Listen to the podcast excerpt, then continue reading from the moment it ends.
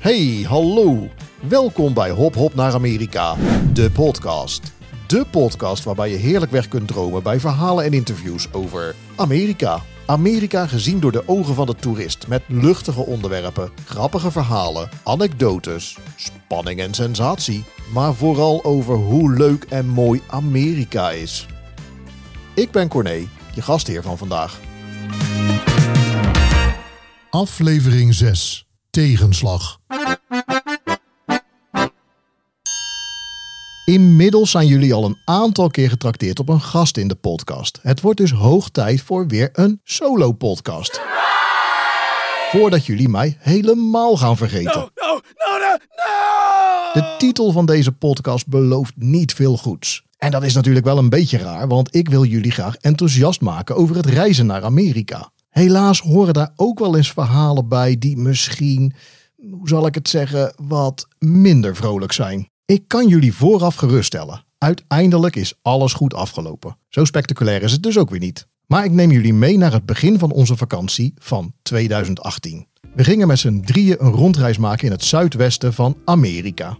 Jawel, het geëigende rondje, waar ik het al zo vaak over heb gehad. Meestal vliegen we richting Amerika met een tussenstop. Simpelweg om de kosten van vliegtickets nog een beetje redelijk te houden. En zo ook deze keer. Hoewel, deze keer hadden we zelfs twee tussenstops. Voor het eerst. Iets dat ik achteraf overigens niemand echt zal adviseren. Eén stop vind ik vaak nog prima te doen, maar twee? Ons avontuur begon op de luchthaven van Düsseldorf. We waren hier al een dag eerder naartoe gegaan met een extra overnachting. Lekker op het gemakje aan, een beetje door Düsseldorf gestruind, waarna we de volgende dag met ons hele hebben en houden het vliegtuig naar Amerika namen. Tot op dit moment nog niks bijzonders. De eerste stop kwam in Manchester, dat in die tijd nog gewoon bij de EU hoorde. En er waren ook nog geen enge virussen in die tijd. Althans, ze waren er vast, maar er werd nog niet zo'n ophef over gemaakt. Het waren mooie tijden op reisgebied. Op Manchester bleek onze volgende vlucht naar Newark vertraging te hebben. Er was wat mis met de eigenlijke bemanning en de crew moest vervangen worden. En dan ga je toch even nadenken en rekenen. Want in Newark hadden we nog een vlucht te halen. Zouden we dat gaan redden? Op een gegeven moment moet je het ook maar loslaten, want je hebt er weinig invloed op. We zouden het wel gaan zien. Het boorden ging beginnen en een uur later dan gepland taxieden we over de runway van Manchester Airport. Het zou krap gaan worden, maar als iedereen op Newark een beetje zijn best zou doen, wie weet. De trip verliep verder voorspoedig. De piloot had er zin in en maakte zelfs nog wat tijd goed. Ik denk dat we wind in de rug hadden of zo. Of hij wilde zelf ook gewoon naar huis. Dat zal je altijd zien. Als je haast hebt, zit je vaak achter in het toestel en kun je wachten tot iedereen de ijzeren vogel heeft verlaten. En precies zo ging het nu ook. Bijna als laatste verlieten wij het toestel en snelden ons naar immigration. We kwamen de hoek om en een enorme rij collega-toeristen stond te wachten voor de poortjes van de op het gemakje aan. Het wordt vanzelf vijf uur medewerkers van de grenscontrole. Stevast is het ontvangst in de United States door deze op boos kijken geselecteerde mensen verre van amicaal en gastvrij. Maar wij troffen het voor het eerst. Een uiterst vriendelijke mevrouw hielp ons door de vaste vragen heen, begeleidde ons vakkundig bij het fotogenieke moment met de webcam en stond ons geestelijk bij op het moment waarbij we onze vingers op een viezelijk glasplaatje moesten laten neerdalen, ten einde onze vingerafdrukken achter te laten. Ja, je moet er wel wat voor over hebben. Wat wel erg leuk is aan Newark is dat je tijdens het wachten op je toelatingsexamen via de ramen van het vliegveld wordt getrakteerd op een prachtig uitzicht. De wolkenkrabbers van Manhattan. Het blijft een imposant plaatje. Vanuit ons ooghoek zagen we wel iets vreemds aan dit tafereel. Anders dan anders. Achter deze hoogtorens zagen we de lucht. En deze lucht werd binnen enkele seconden donker, zeg maar gerust zwart, pikzwart. En we hadden elkaar nog maar net aangestoten om dit schouwspel te delen, of het begon enorm te regenen. Maar dan ook echt enorm. En nog voordat we oh, oh, konden roepen, werden we overvallen door scherpe lichtflitsen, gevolgd door flinke knallen. Onweer. We dachten even dat het een kwestie van tijd zou zijn voordat de regen zich een weg door het dak zou boren. Dit bleef gelukkig uit. Maar we hadden al wel snel in de gaten dat dit geen normaal buitje was. En vol blijdschap zeiden we nog tegen elkaar: Nou, met een beetje geluk staat onze volgende vlucht nog even aan de grond. En gaan we het alsnog redden. Een deel van deze mededeling bleek later uit te komen. Onze kist stond inderdaad nog aan de grond. Maar we zouden deze vlucht nooit gaan halen. Tijdens ons toelatingsgesprek met de uiterst vriendelijke mevrouw van Immigration sprak ze ons nog bemoedigend toe dat we nu waarschijnlijk onze vlucht nog wel konden halen. Hetgeen ons dus ook door het hoofd was geschoten. Ze wenste ons veel plezier in haar land en toch nog redelijk vlot kwamen we aan de voor ons goede zijde van de controlepoortjes terecht. We keken op het luchthavenbord waar alle vluchten werden getoond. Even kijken waar we heen moesten. Al snel zagen we dit bord veranderen van groen naar geel. Werkelijk, alle vluchten waren vertraagd. En het duurde niet lang voordat de eerste vluchten van geel naar rood gingen. Cancelled. En ja hoor, ook onze vlucht veranderde in deze onheilspellende kleur. Uiteindelijk was het één groot rood gekleurd bord geworden. Alle vluchten van deze enorme luchthaven waren gecanceld. We zaten vast met al onze medetoeristen. En dat betekent dus dat iedereen op deze luchthaven moest gaan omboeken. Wij ook. Je kunt je voorstellen dat de wachtrijen bij de diverse maatschappijen langer en langer werden. Daar waar de gemiddelde Amerikaan over het algemeen rustig en netjes is, was daar nu niks meer van terug te vinden. Iedereen was aan het voordringen en iedereen vond hun eigen probleem het belangrijkst. En ook wij wilden graag naar Las Vegas, onze eindbestemming. Een vlucht van nog een kleine zes uur. En we hadden al wat achter de rug. We probeerden allerlei dingen. Online omboeken. Via de terminals van de luchthaven. Mensen aanspreken van de maatschappij. En uiteindelijk toch maar weer proberen geduldig je beurt af te wachten. Het was één grote chaos. We dachten er zelfs al aan om de luchthaven te gaan verlaten en een overnachting in de omgeving te boeken. Maar ja, waar moet je heen? En hoeveel mensen zouden op dit moment hetzelfde idee hebben? De weersomstandigheden waren inmiddels iets verbeterd en heel langzaam begon de luchtvaart weer in beweging te komen. Maar ja, er stonden nog steeds duizenden mensen te wachten op een nieuwe vlucht. Uiteindelijk waren we aan de beurt. Maar je kunt je voorstellen dat de vluchten die op korte termijn zouden gaan plaatsvinden al lang vergeven waren aan de vele wachtende mensen voor ons. Onze oorspronkelijke vlucht naar Vegas stond voor tien voor zes in de avond gepland. Maar die hadden we dus niet gehaald. Inmiddels was het iets van 9 of 10 uur s avonds. Ze zouden ons op de reservelijst zetten voor een vlucht van 12 uur s'nachts. Dan moest je dus geluk hebben dat er mensen uit zouden vallen op die vlucht. Nou ja, we moesten iets. Een betere optie was er niet.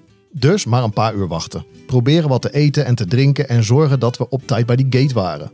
Het wachten werd helaas niet beloond. Er waren nog vele reservekandidaten voor ons en we maakten geen schijn van kans dat we op deze vlucht erbij gepropt konden worden. Het bleek de harde waarheid. Dus terug naar de balie, waar het inmiddels gelukkig wel iets rustiger was geworden.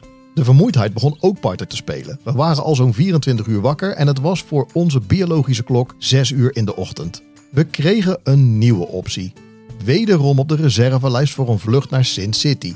Wederom een uur geduld hebben en wederom afwachten. Ook op deze vlucht zagen we de reservelijst groeien. En wij waren natuurlijk ook nog eens met drie personen. Dus dat moest allemaal maar passen. Lang verhaal kort, dit ritueel herhaalde zich nog een keer. En een derde keer op de reservelijst leverde ons de drie laatste open plekken op die vlucht op.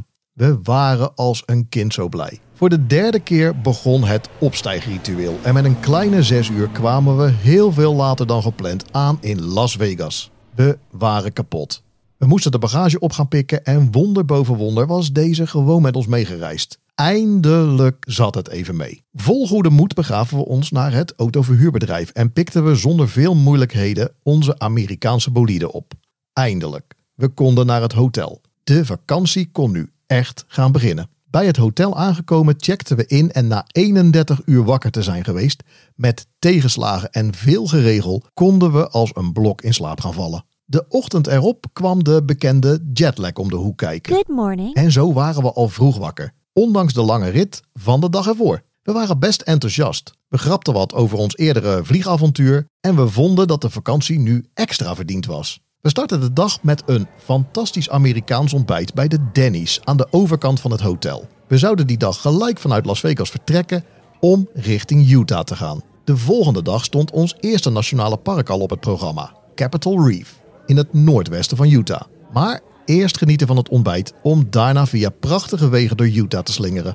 Onderweg kwam ons vliegavontuur nog geregeld voorbij, maar we waren ervan overtuigd dat alle ellende voorbij was. Totdat het zou nog erger worden. Onderweg naar Utah kwamen we een mooie plek tegen om de auto op de foto te zetten. Onze schitterende witte Amerikaanse Ford Escape. Die moet je toch vastleggen?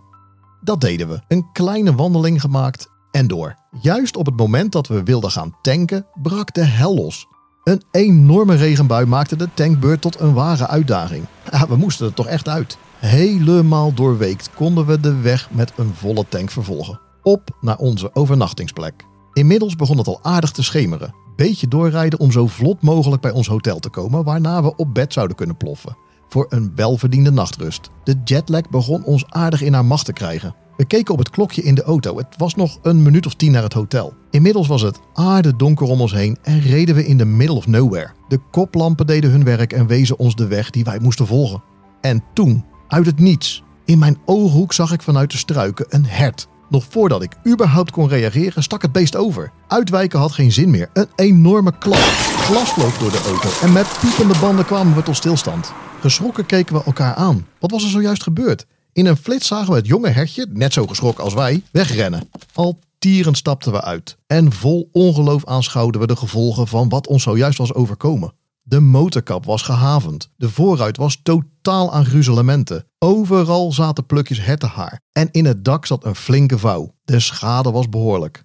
De hele auto lag vol glasplinters en door de voorruit kon je nagenoeg niets meer zien. Via een enkel door de klap ontstaan gat ving je nog net een glimp op van de boze buitenwereld. En verder was er niets. Geen omstanders, geen voorbijrijdende auto's, niets.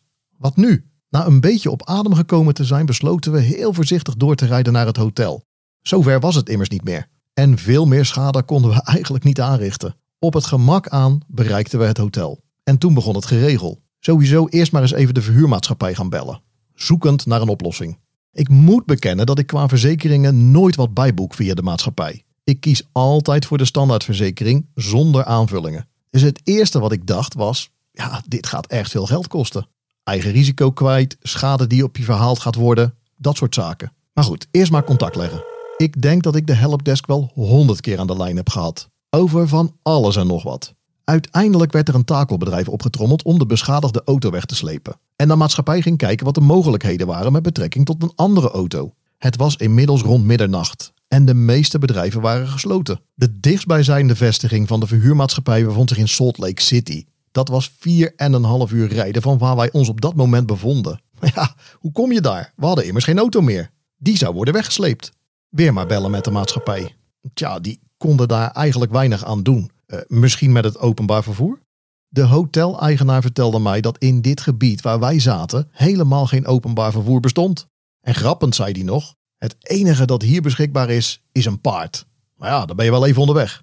Dus de maatschappij weer aan de lijn en de situatie uitgelegd. Maar ja, die hadden ook geen idee hoe ze ons verder konden helpen. En ik vroeg nog, kunnen jullie die andere auto niet komen brengen? Ik ga het even navragen, was het antwoord. Nou, dat kon wel, maar dat kostte dan wel 800 dollar extra. Alsof je hem maar leeggooit. En dan was het ook nog geen garantie dat die de volgende dag al voor de deur zou staan. Ik via internet gekeken naar een taxi. Maar dat was net zo onbetaalbaar. Inmiddels was het half twee s'nachts. Het takelbedrijf had onze fort op de wagen gezet. De uiterst vriendelijke meneer probeerde nog mee te denken, maar uiteindelijk kon hij ook geen oplossing aandragen voor ons probleem. We hadden geen auto meer. Het was midden in de nacht. In de ochtend moesten we weer contact opnemen met de verhuurmaatschappij om te kijken of ze in Salt Lake City sowieso nog een auto voor ons hadden. En dan moesten we dus nog vervoer zien te regelen. Met alle bagage die we bij ons hadden. Ik hoef vast niet uit te leggen dat het slapen mij die nacht niet helemaal lukte. Ochtends vroeg wederom aan de bel bij de maatschappij. Ze hadden goed nieuws. Er stond een auto voor ons klaar. Uh, eh, 4,5 uur verderop, in Salt Lake City. En dat was tevens het slechte nieuws, want we hadden nog steeds geen idee hoe we daar zouden moeten komen. We hadden nog één hoop. Via het internet hadden we met wat speurwerk achterhaald welk takelbedrijf onze Ford had weggesleept. Snel namen wij contact met hen op. Uh, ja, ze wisten nog wel om welke auto het ging en wie wij waren. En een brutaal mens heeft de halve wereld, dus ik vroeg de man aan de telefoon of het eventueel mogelijk zou zijn dat wij met de takelauto mee konden rijden naar Salt Lake City. Zij moesten immers toch die kant op om onze op brute wijze vernielde Ford naar de verhuurmaatschappij terug te brengen. Dat zou voor ons een perfecte gelegenheid bieden om de nieuwe auto op te halen. En jawel, ze stemden ermee in. We mochten voor 125 dollar met z'n drieën mee in de takelauto. Ze zouden ons bij het hotel opkomen pikken. We waren dolgelukkig. En zo geschiedde. Uiteindelijk reden de ouders van de eigenaar van het takelbedrijf ons naar Salt Lake. Zij voorin en wij achterin de takelauto. De Ford achterop in de wind. En weet je, achteraf was het eigenlijk nog best leuk. We zaten 4,5 uur lang achter in een sleepauto met twee locals die ons onderweg van alles over het gebied vertelden. We wisselden van gedachten. We stopten onderweg nog voor een bak koffie bij een tankstation en leerden een lokaal lekkernij kennen. En het meest belangrijke, met 4,5 uur stonden we bij de verhuurmaatschappij voor de deur, op weg naar een andere auto. We namen afscheid van deze twee helden. Bij de verhuurmaatschappij verliep alles op rolletjes. Ze wisten van onze komst. De nieuwe auto werd keurig voorgereden en deze was zelfs nog een maatje groter dan die we hadden. Wat een service. Even dacht ik niet meer na over de mogelijke extra kosten. De ellende die we hadden ervaren, het geregel, het niet of nauwelijks slapen en het feit dat we een dag uit ons programma moesten schrappen. Capitol Reef National Park zou voor ons een gesloten boek blijven op deze vakantie. We moesten nu onze nieuwe auto in gaan wijden. Met een kleine vijf uur rijden voor de boeg gingen we op weg naar ons volgend hotel. Om deze verloren dag maar snel te gaan vergeten. Met vereende krachten was het dan uiteindelijk toch allemaal goed gekomen. Konden we nu dan eindelijk weer gaan genieten? Ik kan jullie verklappen dat dit zeker gelukt is. We hebben alsnog een prima vakantie gehad. Aan het einde van de vakantie leverden we de auto weer in bij de verhuurmaatschappij. In ons geval was dit overigens Alamo. Ik vind dat ik dat wel even mag noemen. Want we hebben nooit een extra rekening gehad. We hebben nooit ons eigen risico in hoeven leveren. Kortom, eindgoed, al goed. Of nou, het valt na de vorige ervaringen verder wel mee hoor. Maar de terugvlucht verliep ook niet helemaal zonder slag of stoot. Wederom een gecancelde vlucht, hoewel dit veel sneller werd opgelost. Alleen bij terugkomst in Düsseldorf, na heel geduldig gewacht te hebben op onze koffers, bekroop ons het gevoel dat die niet meer gingen komen. En die gedachte bleek terecht.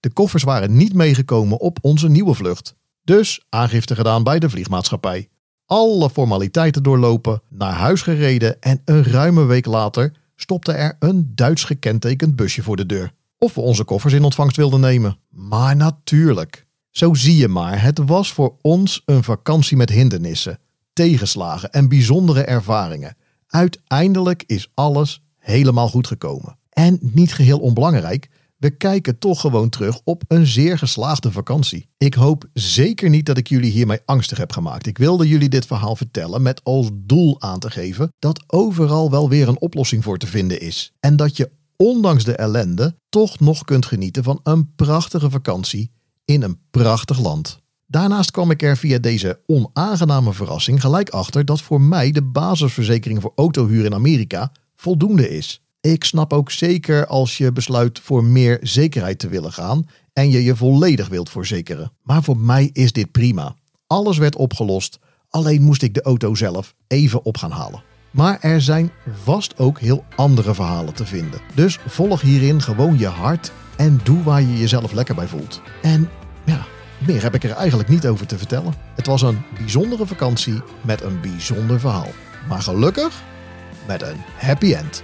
En dit is alweer het einde van deze aflevering van Hop Hop naar Amerika, de podcast. Ik hoop dat je het leuk vond. Heb je nou ideeën, tips of suggesties? Of wil je zelf misschien wel een keertje als gast deelnemen aan deze podcast? Je kunt me bereiken via info Verder vind je Hop Hop naar Amerika natuurlijk ook op YouTube, Instagram, Facebook en via de website www.hophopnaaramerika.nl Bedankt voor het luisteren. Tot horens.